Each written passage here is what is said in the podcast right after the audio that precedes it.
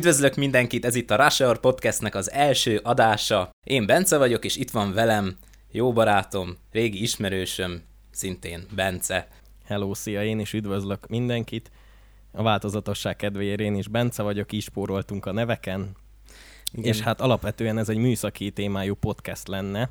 Ugye itt, itt adódott már a magyar nyelven is egy csomó különféle podcast, talán az ilyen tudományosabb irányvonalú műsorok állnak hozzánk közelebb, de mégis mi ezt egy kicsit mérnöki szemszögből megvilágítva próbálnánk beszélgetni a témákról, tehát azért a laboratóriumot, meg a tankönyvszagú elméleti anyagoktól mi azért elhatárolódnánk, bár, bár nem fogjuk azokat sem mellőzni. Nem, de főleg azért nehogy beletöljön a bicskánk.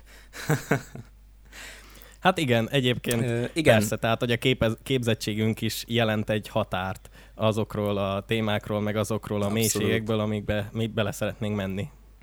A magunk nemében is szerintem azt mondhatjuk a saját szakterületünkön úgymond is, csak hát lelkes amatőrök vagyunk, úgyhogy, úgyhogy majd így próbáljuk átadni a, a dolgokat. Egyébként a magam részéről én, amikor elkezdtem podcasteket hallgatni, nekem a podcast volt az első, ugye coveriék csinálták, még 2013-ban indult, azt hiszem, azt, azt hallgattam több éven keresztül, követtem, és már ott is megfogalmazódott bennem az, hogy, hogy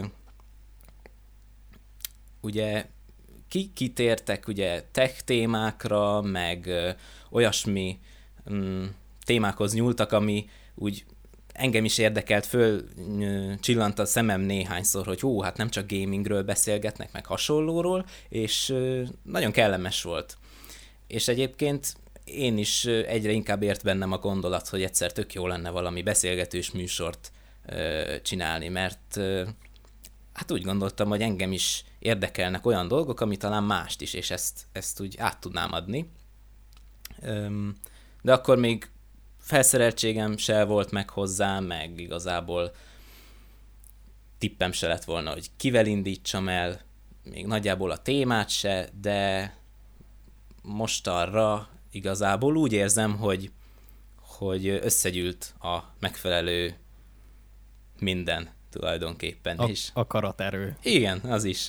Úgyhogy igen, mert le kell ülni, az el, elmúlt napokban itt Bencével szervezgettük az egészet, hogy hogy hogy kezdjük el, legyen valami téma már így az első adásra is, de azért nem akartuk teljesen túlskriptelni a dolgot, tehát az is, nem, nem szeretnénk, hogyha egy megírt izzadságszagú dolog lenne az egész, hanem sokkal inkább közvetlenül egy, egy baráti beszélgetést szeretnék inkább átadni nektek, mert sokat társalgunk mi is így, és tulajdonképpen ebből is jött az ötlet, hogy, hogy valamennyire szervezettebb formában, de azokat a műszaki jellegű beszélgetéseket, amit egymás közt is lefolytatunk, azt, azt megosztani másokkal esetleg.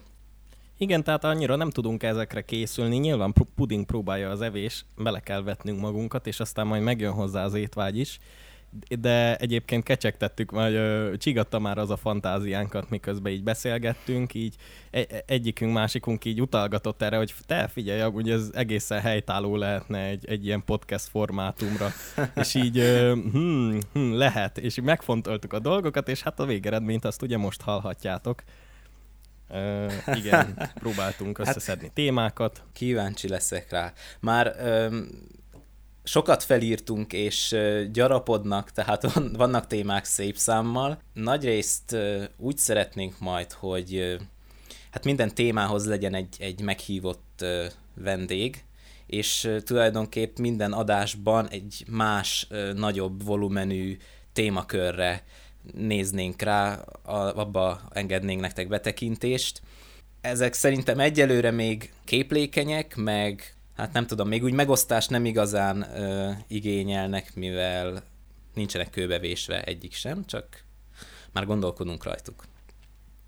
Igen, tehát ezek a témák alapvetően a műszaki érdeklődéseinket ö, felcsígatták, és utána elkezdtünk gondolkodni esetleges szakértőkön, vagy ilyen experteken, akik be tudnánk Igen. ezt mutatni, vagy és vagy jó kommunikációs készségekkel vannak megáldva, és akkor így össze tudtunk írni egy pár ember, persze ez még majd fog, fog bővülni, vannak ilyen nagyon nagy nevek is vannak, El, először ugye nyilván a, az ismerettségi köreinket aknázzuk ki, és akkor, és akkor megnézzük, hogy mi lesz belőle. Tehát mi, mi egy ilyen műszaki látásmóddal, ha lehet így, így nevezni, és egy érdeklődéssel ülünk le majd ezekkel az emberekkel beszélgetni, és akkor ki, megpróbáljuk kihozni a témából a legtöbbet.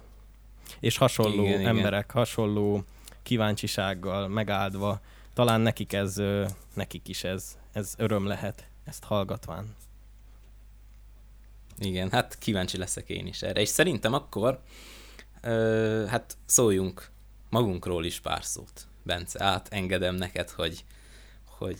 Igen, tehát akkor az első témánkhoz én sokat gondolkodtam, hogy mi lehetne az első, és hát ugye a, a végén a fizikát választottuk, de ez sem úgy és ahogyan, erről szoktak beszélni.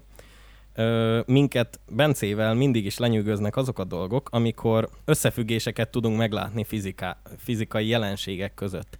Tehát gyakorlatilag nincsen ö, semmilyen köze egymáshoz a két jelenségnek, de mégis ugyanazok a törvényszerűségek és ugyanazok a dolgok igazak rájuk. Például ö, sok példát fogunk mondani, hogy a mai témánk az az analógiák lesz. Ez, ez képzi most a pilot epizódunknak a témáját, és, és igazából e, erről fogunk egy kicsit elgondolkodni, hogy gyakorlatilag, hogy, hogy a fizika hogy lehet ennyire, ennyire ennyire tág és ennyire egyetemes, hogy, hogy ilyen messze álló jelenségeket is ugyanúgy le lehet írni. Igen, igen, de hogy miért is érdekes az, hogy ez, ez pont a pilot, ugye mi is két külön területet fedünk le, úgymond a szakterületünknek megfelelően. Én Így ugye van. gépészmérnöknek tanulok, Vence, te pedig. Én villamosmérnök, én vagyok, igen. És ezáltal is egyébként én remélem, hogy sokkal nagyobb területet tudunk lefedni, és egymást is tudjuk okítani majd. Igen, a, és kinek milyen oldaláról. Egy még ilyen személyes plusz megjegyzés, hogy ö, mi úgy választottuk ezt a két területet, hogy majdnem a másikra mentünk. Tehát én is nagyon szemeztem a gépészmérnökivel, és Benceit is tudom, hogy ő is nagyon szemezett a villamosmérnökivel.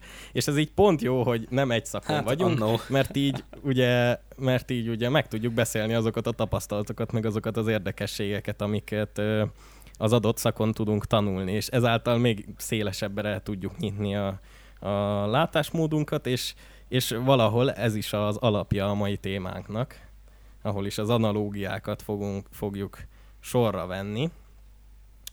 Ö, van még valami hozzáfűzni valót, Bence? Hát nem, igazából, igazából ennyi. Belemerülhetünk Jó, a témába. rendben. Az első és a, az ilyen alapvető, ami nagyon szöget ütött a fejembe, az gyakorlatilag, hogy a, hogy a folyadékok és az elektromosság között milyen érdekes azonosság van. Uh-huh. Tehát például ugyanazok a jelenségek és ugyanazok a főbb jellemzők megfo- megfigyelhetők mind a két ö, esetnél, tehát a folyadék áramlása. Ugye a minden folyadéknak van, van valamilyen ha. nyomása, de akár lehet ez gázoknál is. És, ö, igen, ott áramlástanilag ö, egy, egyként kezeljük őket, igen.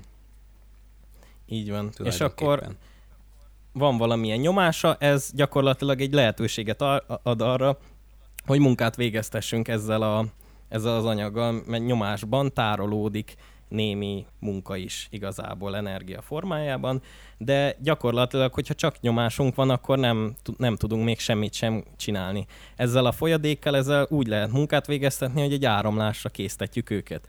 Ugye az áramlás sebessége, meg mértéke, nagysága az a nyomástól fog függni. És ez már ugye majdnem át, egy átvezető az én szeretett szakterületemre, hogyha lehet így csúfolni, a, a villamosságtanra, és ahol, ahol is el lehet mondani ugyanezt a feszültségről és az elektromos áramról is. Tehát a feszültségben megvan a, a, a lehetőség arra, hogy ö, munkát kapjunk, ugye az elektronok által. És akkor gyakorlatilag a feszültségben ott csak elektronok vannak felhalmozva két pólusra, és ezek által lehet majd munkát végeztetni, majd hogyha egy utat mutatunk nekik, uh-huh. ugye ez lesz Igen. az elektromos áram, amikor is a töltéshordozók ö, mozognak, és, ö, és így gyakorlatilag meg, meg munka végzésre késztethetjük őket. És ö, itt van a két analógia.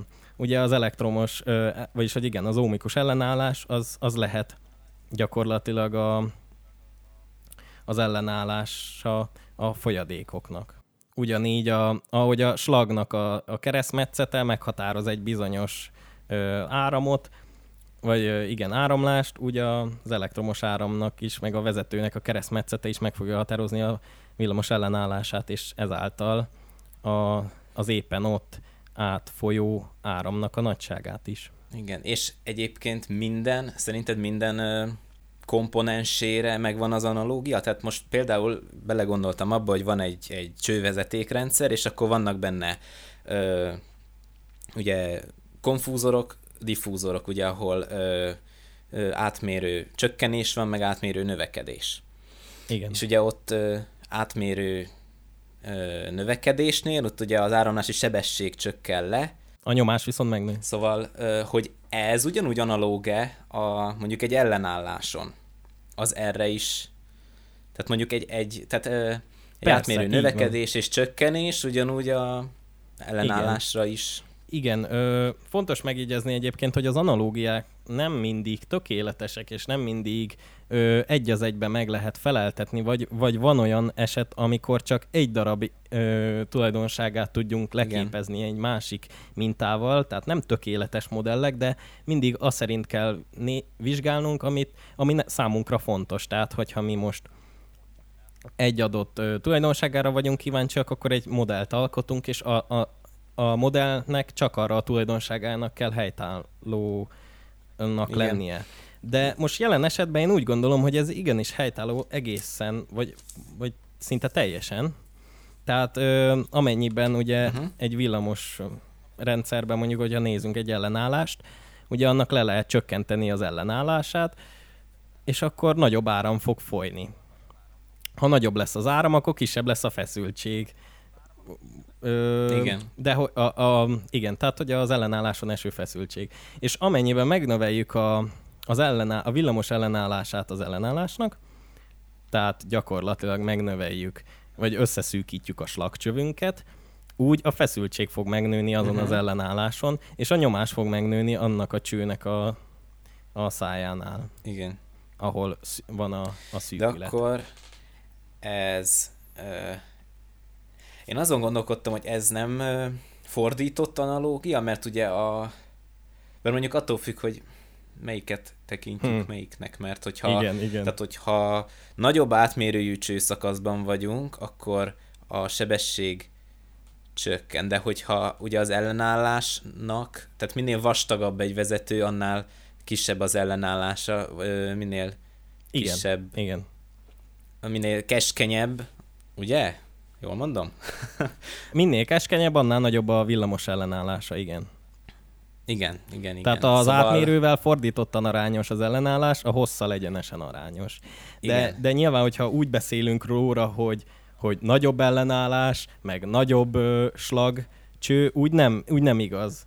Mert, ö, uh-huh. mert egy villamos rendszernek mindig az okoz nehezet, meg az ö, próbálja meg a tápforrásunkat, hogyha az ellenállásunk kicsi mivel hogyha kicsi az ellenállás, akkor nagyon uh-huh. nagy áram fog, tud rajta átfolyni, és akkor az meg fogja próbálni ö, letérdeltetni a, a tápellátást. Igen, már ha adott a nagy áramnak a lehetőség. Igen, igen, Ugye? igen. Ha meg nem adott, akkor letörik a feszültség, tehát hogy akkor csökkenti a nyomát, tehát igen. Igen, érdekesek ezek, ami, ami nekem ugye erről még eszembe jut, hogy a áramlástani rendszerek azok sokkal, legalábbis nekem azért tűnnek, azért állnak hozzám közelebb, vagy hogy ilyen természet közelebbiek, mivel azok általában ugye vagy szabad légkörön, levegőben záródnak, tehát nem úgy, mint mondjuk egy áramkör. Tehát ha én az elektromosságra gondolok már így az analógia miatt, akkor ugye egyből egy kapcsolási rajz van előttem, és ott ugye az egésznek a feltételét, azt mit teremtjük meg, tehát ha nem rakjuk be a, az áramforrást, a, a zsebtelepet, bármit, akkor ugye nem áll fönt ez, míg a áramlástani rendszereknél ott ö, nem kell nekünk zárni úgymond a kört, de, de lehet, hogy csak másképp közelítem meg. És egyébként ez Szerintem amúgy ott is zárod a kört. Szerintem amúgy ott is zárod a kört. Persze. Csak mondjuk, hogyha nézed egy szivattyút, az felépíti a nagy nyomást. És annak a nagy nyomásnak az ellenpárja lesz Igen. a légköri nyomás. És a légköri nyomáson kvázi zárod az áramkört, mert arra fele fog folyni. Persze. És igen, még igen. egy, Szerintem... még egy ö, akármilyen tápforrásnál ott van a pozitív-negatív fázis vagy a nulla, és a, a között tud záródni uh-huh. az mhm. áramkör. Szerintem abból eredt ez nekem, hogy kicsit másabb, hogy ugye a áramlástanban ugye általában azt valósítjuk meg, hogy mondjuk a folyadékokkal végeztessünk munkát, vagy, vagy eljuttassuk a folyadékot valahova, tehát akkor Aha. nyilván nem körök fognak létrejönni, hanem hanem A pont és B pont, ugye alacsonyabb, magasabb pontok Igen. egymáshoz képest, vagy, vagy helyileg máshol lévő pontok. Elektronikában meg ugye csinálunk egy kört, és a, ott soha nem az elektronokat akarjuk eljuttatni ide vagy oda, hanem az elektronokkal végeztetünk majd munkát, motorok, fűtőtestek, bármi hasonlók, szóval Igen. itt se teljesen az analógia. Igen, de egyébként egyébként a villamosságtamba is léteznek különböző potenciálú csomópontok, hmm. tehát gyakorlatilag ott is lehet különböző kvázi nyomású ö, állapotokat ö, megjelentetni és számolni velük. Csak az ugye az ilyen nagyon, nagyon egyszerű fizika hetedik osztályos példákban vannak ezek, a, ezek az egy, egy áram, egy hurkos áramkörök, meg stb. De most hirtelen eszembe jutott egy, ez, hogy ugye mondtam, hogy az elektronokat nem eljuttatjuk egyik helyről a másikra, hogy mondjuk az elektron ágyú, a katócsugárcsöves bármi Igen. igazából, vagy akár televízió, hogy ott azért valamennyire, de, mert ott az a lényeg, hogy honnan, hová jut el, és hogyan az elektron. Igen. Nem? Hogy ugye képet alkosson, vagy, vagy valamilyen sugarat bocsásson ki. Igen, hát ott az elektronokat gyorsítjuk fel, és ö, próbáljuk eltéríteni elektromágneses mezőben, és gyakorlatilag így ö, az elektronokkal kirajzoljuk soronként a képet a, a televízió képére. És gyakorlatilag, hát igen, ott, de itt is, itt is az van, ha jól tudom, bár mondjuk itt csak részinformációim vannak, hogy tehát, hogy a, a felület, amire lövünk, az a negatív tölté- tehát hogy az a negatív pont, és akkor a gyorsító Aha. az meg a pozitív, és pozitív. ezért kell ilyen iszonyat nagy feszültség, uh-huh. tehát igen, tehát a, ahonnan kilépnek az elektronok, azok, azok ö, 500 és 1000 volt közötti feszültséggel rendelkezik. Így tudjuk Aha. ugye eljuttatni az elektronokat, majd utána a tekercsek és az elektromágneses tér meg ugye arra kell, hogy, hogy ö, irányítsuk őket, tehát pontba. Egyébként ez egy másik ö, podcastbe tökéletes téma lesz, szerintem ez külön megér nem is egyet, hanem még többet is. Erről is gondolkodtunk persze, egyébként persze. az analóg videó technikáról, nekem legalábbis nagyon a szívem csücske. Igen, Szerintem pont azért, fact, mert... Hogyha igen, mond. Ja, és fun fact, hogyha bekapcsolsz egy CRT monitort vagy tévét, és meghallod ezt a sípolást, az a 15626 Hz, mert az eltérítő tekercsnek az a frekvenciája, és azt meghallod, mert ugye a hangszórókra is kiül, mint zaj. Aztán utána hallod, még csak rá, rámegy a tévének a hangja. Igen, oh. csak ugye szuperponáló, tehát ráül egy másik hanghullám, és utána már nem érdekel, meg kiszűri a füled is, gondolom. Igen, igen, igen. Hát amikor nagymamámhoz megyek, és megy a tévé, akkor mindig ez van. És mondom, ah, igen. hogy, hogy bírtuk ezt ki, amíg nem voltak plazma, meg LED, meg LCD tévék, szóval... Volt a plazmát nem sírom vissza. Azt hallottad? Hogy? Hogy az megvan, hogy, a, hogy a, ugye a hát, hogy nincs. plazmagáz az a két ilyen nagyon vékony üveglapon volt, és hogyha elfektetted a tévét, ez az üveglap megsüllyedt, és ö, teljesen ö, más, hogy, tehát rövidre zártak, meg, meg a gáz elszökött, uh. meg mindenféle problémák ja, voltak. Hogy összeért a két felület? Igen, meg ugye nem, nem tudta ezt a bizonyos távolságot megtartani uh. közötte. Tehát besüllyedt a Aha. teteje gyakorlatilag. És akkor Aha. onnantól kezdve használhatatlan volt a tévé. És akkor ez amúgy garancialevélbe ki is volt téve rá, hogy elfektetés hatására, meg elfektetés esetén nem ugrik a garancia, ezt nem fogjuk vállalni és igazából volt benne aha, egy dő, dő, dőlésszenzor is. Igen, volt benne egy dőlésszenzor. Hazavitted, érted, betetted a csomagtartóba eldöltve. Aj, Itthon aj, kibontottad, áram alá, stb. és nem működik. Hívtad a izé szerelőket, leolvasták a dőlésdetektort, bejelzett, hogy hát ez ugye döntve volt, akkor köszönjük szépen ennyi. Azt a... És beleraktak még egy szenzort a a garancia miatt kb. Hát igen, mert le kellett védeni magukat, hogy most igen, akkor ez igen, döltve igen. volt, vagy nem. Valahogy muszáj. Tehát a oh. céget az, az meg fogja oldani, nyugi. Meg régen még ezek a projektoros tévék voltak nagy, nagyon menők, mert ugye nagy ö, képernyője volt, de még 4-3-as arányúak voltak azok is. Emlékszem, ismerősöknél volt. Aztán ott ugye az volt, hogyha sokszor nekiütöttél, akkor a, a projektorok kicsit elmozdultak, és akkor nem ugyanoda vetítette a színeket, és akkor lehetett látni a sárgát meg a kéket külön egymás mellett. És utána mindig, ah, be, be kell állítani minden, minden színhez tartozott egy, egy projektor?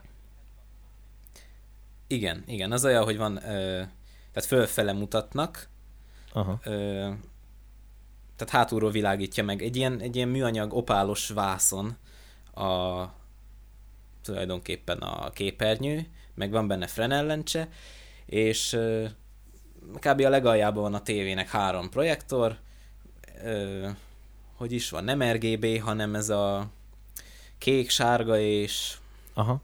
milyen, mert ugye más keveréssel csinálja. Igen, igen. Más színkeveréssel. És ha, ha megnézed a hátulját, akkor minden ilyen projektoros tévének 45 fokban meg van döntve, ott van egy tükör benne, és akkor uh-huh. úgy vetíti hátulról a képernyőre. Na, folytassuk az analógiákat. Na, folytassuk. Szeretnél vázolni még egyet? Vázolok. Amikor ugye Bence ezt felvetette, hogy legyen ez a téma, és akkor rákerestem egyből, hogy hát, hát mi van erről, és egy egész érdekes kis ö, ö, olvasmányra találtam. Ez a 2010-es fizika szemléről származik, egy ilyen kis összefoglaló, Radnóti Katalin írta. Egy egész rövid, egy kis hatoldalas szöveg, de kitér az analógiáknak a fontosságára, és olyanokat is írt, ami, ami teljesen új dolog volt. Tehát párat azért tanítottak, meg utána szerintem rá is jöttünk mi magunktól. Egyébként szerintem ez a szomorúbb része a Igen. dolognak.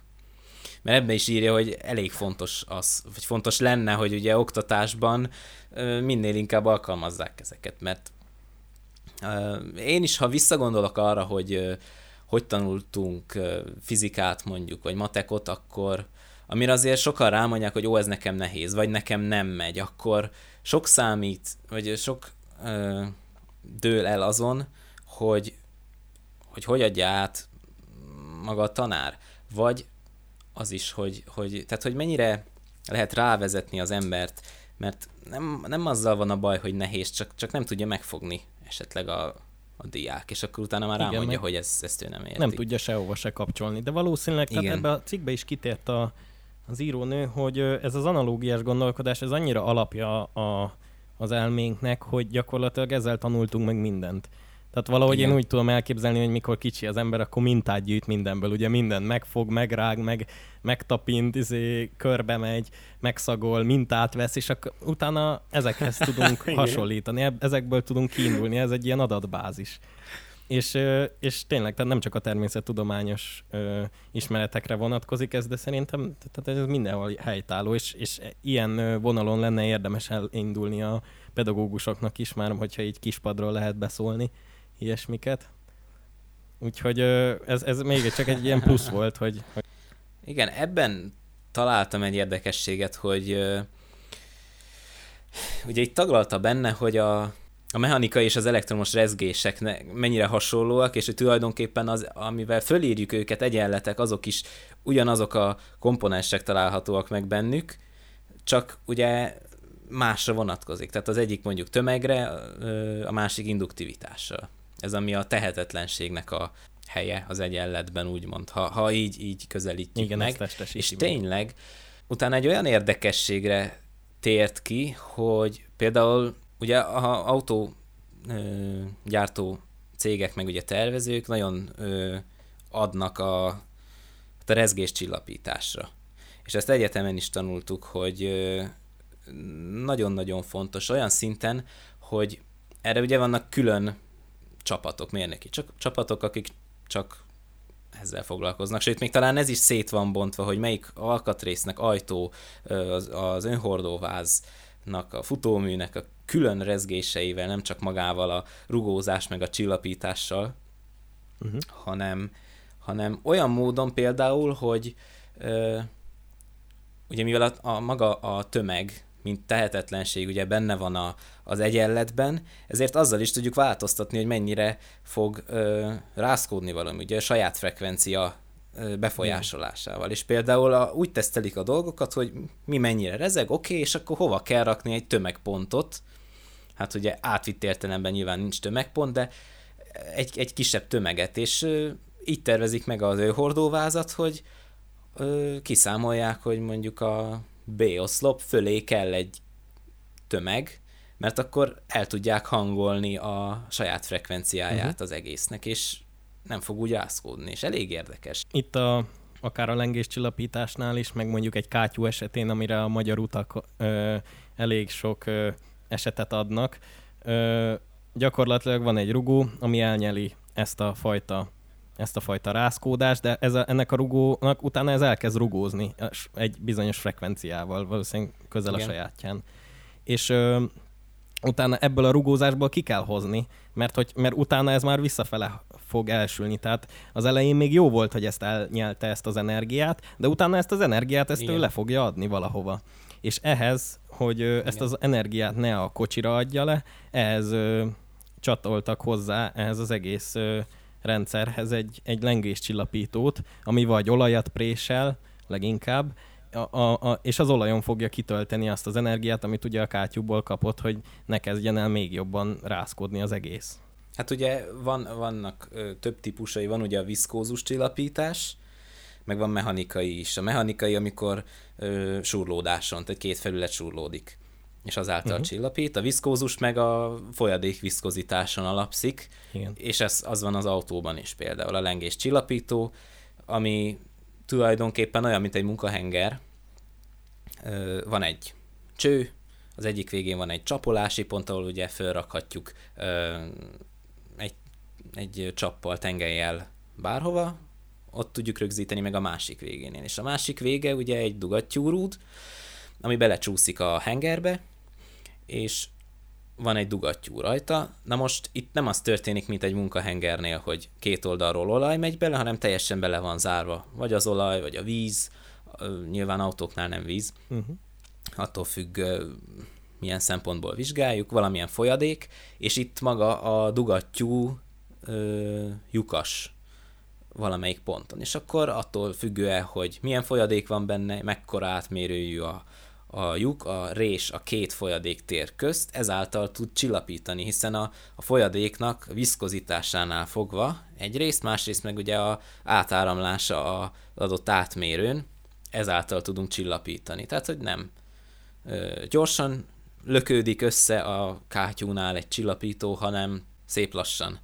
És így a rugóval együtt tudnak dolgozni. Ugyebár a rugónak magának is van egy csillapítása, hiszen ugye ott ö, torzió történik, torzió által működnek a rugók, Igen. csavarodás által, tehát az is nyilván valamilyen formában hőt fejleszt, és el fog nyelni.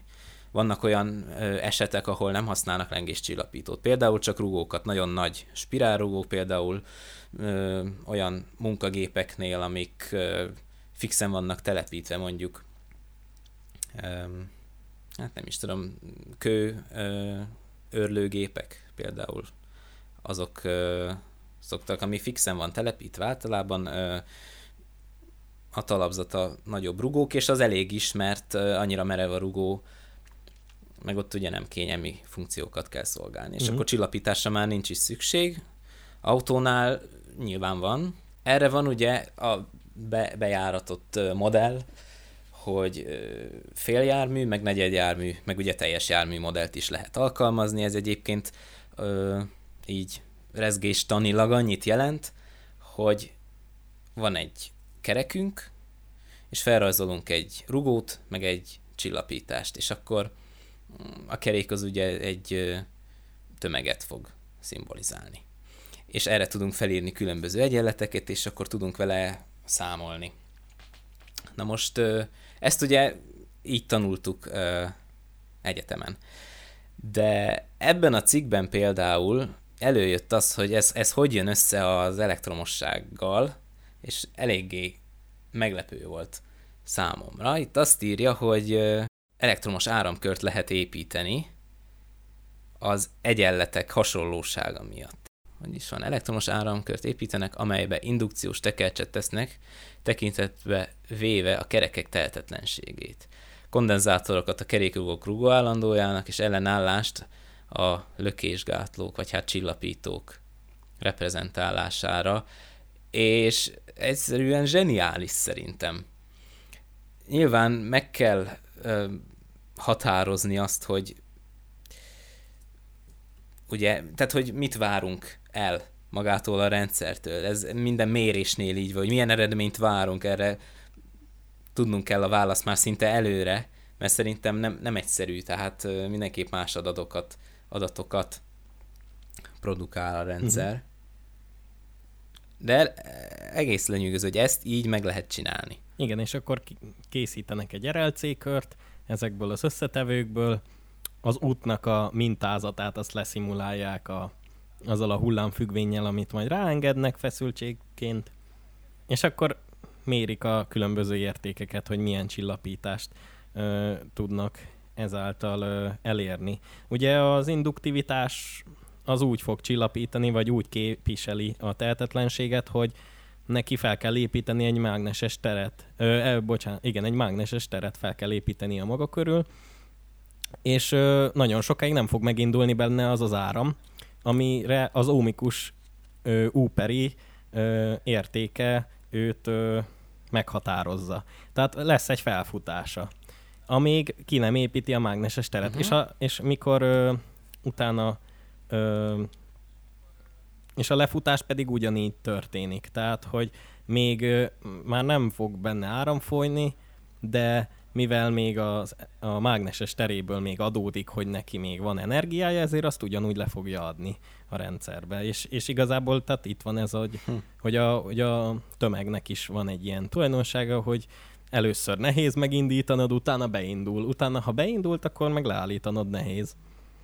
Úgy, és igen, ezt, ezt igen. képviselik. A kondenzátornál ugyanígy van, csak ott nem a mágneses térbe tárolódnak ezek, hanem ott az elektromos térbe, tehát ott töltést ö, kezdenek el sűríteni, vagy kezdenek el ö, a két lemezen igen, sűríteni. És ez, ez fogja képviselni az elektromos teret. És sajnos én megpróbáltam még jobban utána keresni, de nem nagyon találtam Aha se videót, se nagyon cikket róla, tehát voltak tanulmányok. Ez nagyon ilyen belsős infó lehetett akkor. Rezgésekről lehet, lehet, igen. De hát csak nem ma, hát most már véges szimuláció. Persze. Mindenféle programok, tehát Igen, ez valószínűleg valahol nem hinném. 70-es, 80-as évek körül lehetett, amikor még az analóg Igen. technika ilyen szempontból a virágkorát élte. Igen, de akkor ez ennyire Vagy még előbb. feledésbe merült volna? Hát lehet, igen. Ugye most már senki nem ír erről cikket, hanem inkább már a szimulációkora tényleg. Matlabba megvan ez. Hm. Azt én nem szerettem. Tehát, hogy a következő analógiá adta gyakorlatilag az ötletet ehhez a témához, amikor is a jármű elektronika tanárom ö, mondott egy olyan példát, vagyis hogy az Otto motorokról beszélt, és annak is a befecskendező szelepeinek az időzítéséről. Hogy honnan kell venni azt az alapjelet, hogy mi működtesse ezeket a szelepeket. És akkor mm, kérdezte, hogy állandó frekvenciával működtethetjük-e, és akkor ugye kiderült, hogy nem, mivel már vált, változik a fordulatszám, és akkor már nem, nem lesz szinkronban, nem lesz ott a, a helyén a befecskendezés. És ez bizony, ez változó frekvenciával kell ezt az egészet vezérelni. És akkor beugrott nekem a villanymotor. És hogy még, mikor még általános iskolás voltam, akkor is így, így beszélgettem nálam ö, nagyobb tudású műszaki emberekkel, és akkor ők is így mondták, hogy bizony, hát a villanymotorokat, azokat nem lehet csak feszültségváltozással, fordulatszám növekedésre késztetni. A, bocsánat, itt az aszinkron villamos, villanymotorokról ö, beszélgettünk. És akkor, mm-hmm. tehát, hogy mindenképpen a frekvenciáját kell változtatni, és én egyszerűen ezt nem értettem, de hát, hogyha megnöveljük a feszültséget, akkor biztos, hogy, biztos, hogy aznak gyorsabban kell lennie. És hát nem, mert azzal, hogy megnöveled a feszültséget, akkor a tekercsekben a mágneses teret növeled, és akkor nyomatékosabb lesz, de a fordulatszáma tényleg nem fog változni. Addig növelheted a feszültséget, amíg akkor áram fog nem folyni, hogy hogy elkezdi fűteni a tekercset, vagyis hogy az amúgy is fűteni, vagy szétégeti az egészet. De nem fog növekedni. Mert ugye abban a, abban a folyamatban kell neked ö, részt venni, ami növeli ezt az egészet, meg a, ahogy az időzítése egyre gyorsabb lesz, ugye a fordulatszáma is úgy lesz egyre gyorsabb, Igen. és akkor ez csak a, a, az áramnak a frekvenciájával lesz arányos, a fordulatszáma. És akkor gyakorlatilag itt is van egy analógia, meg igazából a motorokra minden, mi, gyakorlatilag valószínűleg minden motornál ugyanez fennáll, hogy hogyha keverékből is többet juttatok be az Otto motor égésterébe, akkor se lesz egyszerűen ö, nem lesz ö, gyorsabb fordulatszámügyileg a, a motor, hanem csak nyomatékosabb, meg, meg legfeljebb nem tudja elégetni az ott lévő üzemanyagot, hanem akkor tényleg akkor gyorsabban kell adni az anyagot, meg a gyújtást is ennek megfelelően kell időzíteni egy változó frekvenciával. Mm, igen, igen, igen. Hát már, hogyha rajta van a terhelés, tehát ugye alapvetően ha a gyújtás nincs meg, persze, akkor hiába Igen, tehát én most arról beszéltem, hogy ha, hogyha a befecskendezi, tehát hogy a keveréket és a gyújtást a, a állandó frekvenciával kapná mindig, akkor ugye nem lenne belőle semmi.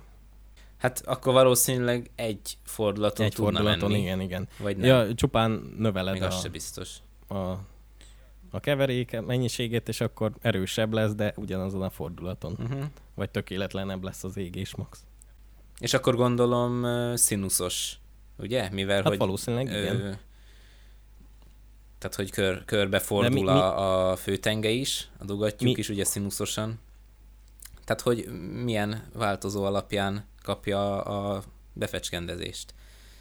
Ha nem állandó frekvencián, akkor Ja, hát igazából a, a befecskendezést a Milyen gyújtás fogja időzi, a gyújtás időzíti, uh-huh, és a Mhm, gyújtás igen. meg, meg a gyújtás elosztót, az meg majd a főtengelyjel a dobtól, tehát gyakorlatilag a főtengelyből fogja következtetni mindig az összes többire. Aha. mindig ezen gondolkodom, hogy hogy tud ennyire ö, jól működni, mikor már komplikáltabb, mint egy sima mechanikus gyújtás elosztó. Nyilván ez azért még nem minden esetben szoftveres, de legtöbb esetben már szoftver van ebben is, ugye? Hát persze, beleszól egy szoftver a... De hogy az, az hogy, hogy van bebiztosítva, hogy nem romlik el, mint egy számítógép, hogy Hát azért, mert ugye nyilván lehet szoftveresen a Windows az le szokott fagyni, de vannak olyan, vannak olyan ipari felhasználású programok, amik nem, fo- nem fagyhatnak le. Hát Mások igen. az elvárások, még Aha. mind ugyanúgy egy akármilyen gyártás technológiában. Te nyilván meg fogod kapni azt a műszaki berendezést, ami élettartamra van valahogy kitalálva, és akkor a katonaság meg nyilván nem a, ugyanaz, nem, nem ö, ugyanolyan minőség ellenőrzésen átesett árukat fog kapni. Ugyanúgy a szoftverfejlesztésben is Igen, megvannak ezek a, nyilván. ezek a követelmények, amiket, amiknek ö, eleget kell tenniük. És nyilván egy motorirányító rendszernél sem lehet az, hogy ú, most lefagyott. Hát egyéb problémák jelentkezhetnek, ugye ilyen jeladók, meg stb. De a vezérlőrendszerek, na hát mondjuk abból is, tehát hogy most egy kicsit tanultunk róla, tehát abból is vannak jobbak, meg rosszabbak, ugyanúgy, mint minden másból. Uh-huh. Nem úgy van, hogy az elektronikás, mi, mi, minden motor, ami, amiben van elektronika, akkor az, akkor az úgy rossz, ahogy van. Másszunk vissza a fára, csak a szívó, csak az a jó. a mechanikus igen, igen. nyújtás. Persze. Nem ez a mérnöki gondolkodás. De hát másképpen elektronik... Igen. Elektronikus, elektronikus beavatkozás nélkül meg nem tudtunk volna hát egy jó 10%-ot a hatásfokból fölfelé nyerni. Uh-huh. Úgyhogy mindennek megvan az ára. Igen, mert addig dobálózhatunk vele, hogy hú, de 40%-os a dízelmotor, meg minden, csak hát igen. igen. Az kicsit több igen. is. Ja, ja, ja. A gőzgép meg 7. Azt hiszem a környékén van. Igen. Elképesztő. Igen. Nagyon durva. A villanymotor meg 90 fölött, úgyhogy nem is értem, hogy miről beszélünk. egy gőzgép kell, meg egy villanymotor, és akkor kiegészítik egymást. És még fűtne is lehet vele. Igen.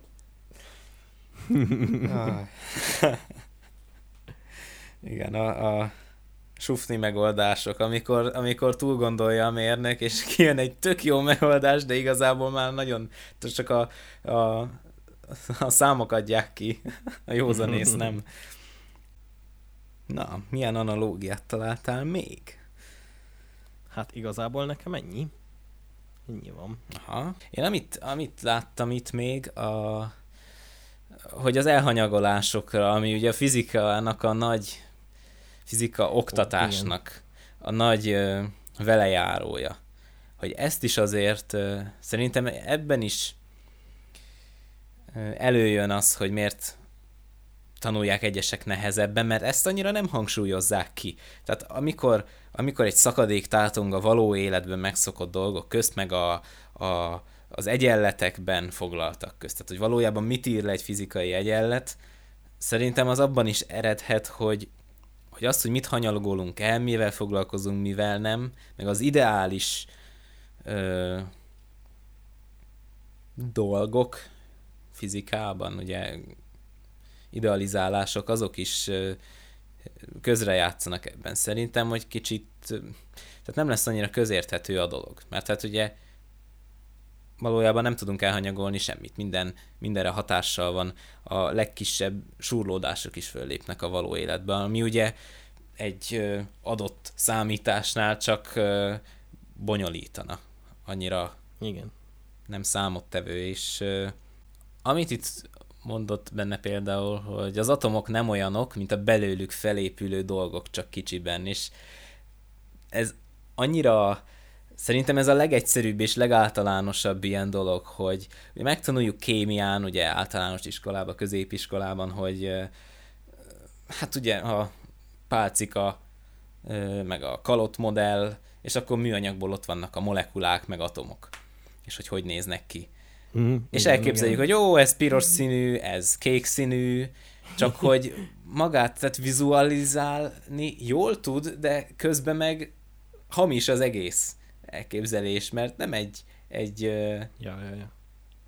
egy tömör térfogatú dolog, hanem, hanem az tulajdonképpen csak egy határt mutat, ahol az elektronok vannak, vagy például az atommag. És ugye vannak ezek a igen, viszonyítások, igen. hogy az elektron milyen távol van az atommagtól, meg hogy a méreteik.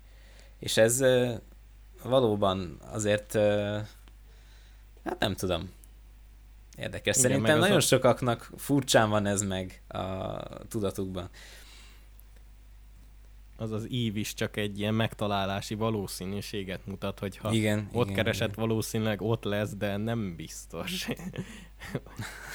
és, és pláne az, ne, az nem biztos, igen. hogy ott folyamatosan van. Igen. Hát igen, ez az elhanyagolás, ez érdekes, ugye? Ez az, amikor a, az elmélet és a gyakorlat között próbálunk egy ilyen hidat ácsolni, hogy, hogy az a, azok a dolgok, amiket te nem érzel a való világban, vagy nem érzed mondjuk, hogy arrébb teszed, arrébb tolsz egy dolgot, és mondjuk akkor éppen nem érzed, vagy nem é- tulajdonítasz neki nagyobb jelentőséget, hogy ú, ott most ilyen sorlódás van, meg olyan, jó, hát akkor azt hanyagoljuk el, és akkor kicsit jobban uh-huh. fog. Ö, a, a, a valóságra az nem lesz ö, több köze a valósága, de ahhoz, hogy te mit érzékelsz, ahhoz egy kicsit jobban. És akkor talán ez egy, így, így egy kicsit jobb, jobb összeköttetést ad, de persze, persze nem lesz teljes. Nekem ez a ez mindig úgy jött elő, hogy például azon gondolkodtam, amikor tanultuk először a, a munkát fizikából, hogy ugye ö, fölmászok egy falon, vagy felsétálok a, a lankásabb hegyoldalon. És akkor, hogy az egyik igen, időben igen. több, a másik pedig erő, több erőt igényel, és akkor, hogy mennyi lesz több a munka, és vagy a teljesítmény maga. És ez, ezzel mindig úgy gondolkodtam, hogy ha most tényleg van egy, egy ilyen rámpa, ami akadálymentesítés céljából van, és tényleg egy pár fokos, mondjuk, mondjuk egy métert emelkedik 30 méteren, és van egy lépcső, ugye uh-huh. a, a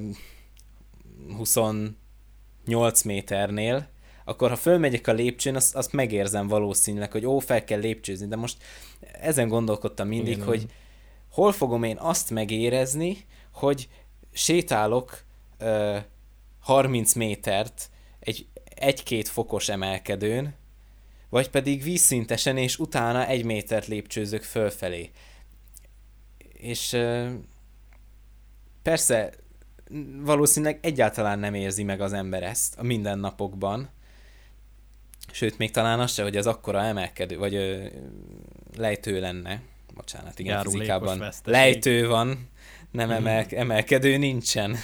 Minden emelkedő lejtő is egyben. Szóval igen, de valójában meg persze, hogy ö, ott van az a, ugyanaz a munka a lejtőnél, uh-huh. mert ö, az ott lesz, az mindig ott lesz, csak egyáltalán nem számottevő. És ezt így furcsa, furcsa felfogni. Egyébként még a napokban fölmerült bennem valami, ha... Hát igen, szoktam böngészgetni a gyakori kérdéseket, és ilyen volt, hogy hogy az egyen áram nem ráz, az csak csípni tud, és ezen így elgondolkodtam, hogy hmm, hogy te ehhez mit tudsz hozzáfüggni. Tehát ezt írták, hogy az egyen áram nem ráz, nem tud megrázni, hanem az csíp. És a váltó áram ráz. Hát a rázásként tehát azt a fizikai élményt írja le, hogy mikor megfogsz, megfogod a, a nagy feszültséget, vagy hát igen, uh-huh. akár a 230-at is, ugye nekem is volt már ebben részem, és tényleg azt éreztem. Sajnos mint, nekem hogyha, is. Igen, mint hát akkor te is tudod, mint hogyha hátulról oda jött volna valaki, és Igen. fizikailag elkezdett volna ráncigálni. és akkor, és akkor hát ugye ez, ez, ez, ez, ez rázásként éli meg az ember. Vagy ugye az egyik haverom mesélte, hogy a munkahelyén így az, az egyik dolgozó ott szerelt valamit, vagy valami, és így beszállt a, az ingújába egy darázs, és elkezdte, elkezdett Aha. rázkódni, elkezdte rázni, hogy kirázza a a darazsat a másik kollégája meg látja, hogy ott izé, idegrángása van a, a haverjának, és így fogott egy, fogott egy lapátot, és úgy, ahogy a munkavédelmi eligazításon tanulta, le akarta választani a hálózatról a barátját, és iszonyatosan, iszonyatosan oldalba verte. és szegénynek eltölt a karja, vagy valami. De ugye, ugye, uh. úgy, ugye ez jelenti a rázkódás, rázás. Így is lehet felfogni. És hát Hát Aha. nyilván ilyen a, a, az Én egyenár, miatt nem, nem tud készülni. Vagy ne, nem tud ö, nem tud produkálni. Az egyenáram igazából az csak, tehát hogy az úgy veszélyes az emberi testre, hogy ténylegesen, hogy mennyi áram, és milyen ellenálláson folyik, és úgy mennyi hőt fejlesz uh-huh. belül. Meg talán ugye a vizet igen, is igen, bontja tehát én is jobban. Erre gondoltam. A váltóáram ugye az, az, az a, abból a szempontból rossz, hogy ugye pulzál, és nagyon közel van a szívnek a frekvenciájához, és így, így, uh-huh. így ki tudja ütni azt. Úgyhogy igazából, ja, lehet igaza ennek a kérdésírójának. Erre gondoltam én is, hogy azért a rázás az arra utal, hogy ugye frekvenciája van, a váltakozó áram. Persze, persze, igen. És amikor ráz, akkor tulajdonképpen azt érzed.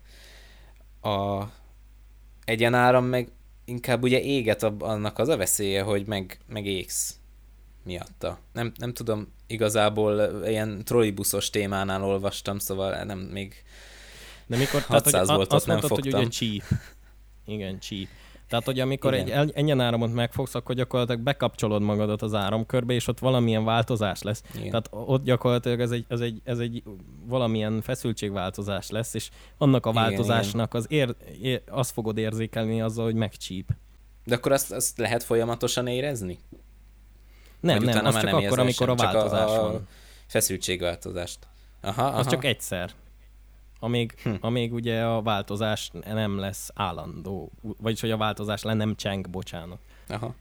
Nemrég volt egyébként nekem ez, tönkrement itt a hűtő, és azt szereltem, aztán nem is tudom, hogy voltam ilyen figyelmetlen. A mm, termosztátot kellett ö, szerelni, és ugye ilyen véknyabb rézlemezekből vannak megcsinálva a kapcsolóik, és rá van öntve a műanyag, és a végénél úgy volt ráöntve, hogy itt síkon volt ugyan, de kiértek a, a rész érintkezők. Uh-huh. És annak a, a széléhez nyúltam hozzá, és bal kézzel ráadásul, és így végig a karomba egy ilyen, sőt, nem is, a karomban annyira nem is volt. Azon is meglepődtem, hogy hú, mondom, megrázott, de azért nem volt ez akkora nagy. Tehát így mondjuk az alkarom Mhm. egy ilyen nagyon apró kis rezgést. De És akkor csak a egy kézzel mert- értél hozzá, ugye? Igen, Az még a jobbik, jobbik eset. igen, és akkor lement lábon, nem? Hát igen, valószínűleg. ha nem ment volna le, nem éreznéd. Akkor föl lennék töltve még mostanáig. igen, igen, igen. Váltó árammal, na jó. Bizony. Mert ugye az áram alatt lévő dolgok ugyanúgy néznek ki, mint a nem áram alatt lévő dolgok, csak más a fogásuk. Jaj. Az öreg viccek. Hát igen. Ne nyúljatok a konnektorba. ne, ne. Meg ne szereljetek hűtőt. Csak a drága szervíz. Ja, vagy e, hogyha előtt, vagy hogyha szerelitek is, előtte húzzátok ki a hálózatból, tehát, hogy Hát jó, de akkor... Érted? Igen, igen, igen, csak akkor nem... Most úgy hiába ö, próbálnám nézni, hogy működik-e, hogyha nincs bedugva, és akkor... Na látod, ez is igaz. Nem, hát csavargattam a, a termosztátnak a szabályzóját, és ö, uh-huh. az volt, hogy ö, el ö, szenesedtek már a kontaktjai azoknak, a- tehát amit a, a ö, termosztát kapcsolgat, azok a kis érintkezők, azok a rezek el voltak már szenesedve, kivettem, megreszeltem, visszatettem, de hogy ugye még nem indult be egyből, be kellett dugni a hűtőt. És mielőtt nem jöttem még erre rá, hogy el van szenesedve, akkor is csak próbálgattam egyszerűen, nem tudtam, hogy mi van vele, bedugtam, kihúztam, aztán így egy másodpercre beindult a kompresszor, és akkor megörültem, hogy na, legalább működik. És ezután jött a Mhm. szerelés. Egyébként ezt a... Szerintem a leírásba belerakjuk ezt a kis analógiás fizikai összefoglalót. Még Nézzetek rá, ha gondoljátok. Szerintem Bár mondjuk az érdekesebb olvasmány. dolgokat már belefoglaltuk a műsorba, úgyhogy Igen, többnyire igen. Learadtuk a babérjait az írónőnek. Le, le, le, de hivatkozunk rá, ahogy kell. Na jó, hát köszönjük szépen nektek a figyelmet. Reméljük, Köszi hogy tetszett. szépen. Így elsőre, és aztán reméljük, hogy minél hamarabb vissza tudunk térni, és talán még érdekesebb témákkal. Úgyhogy Legyen úgy. addig is, addig is sziasztok, és találkozunk legközelebb. Sziasztok, hello, hello.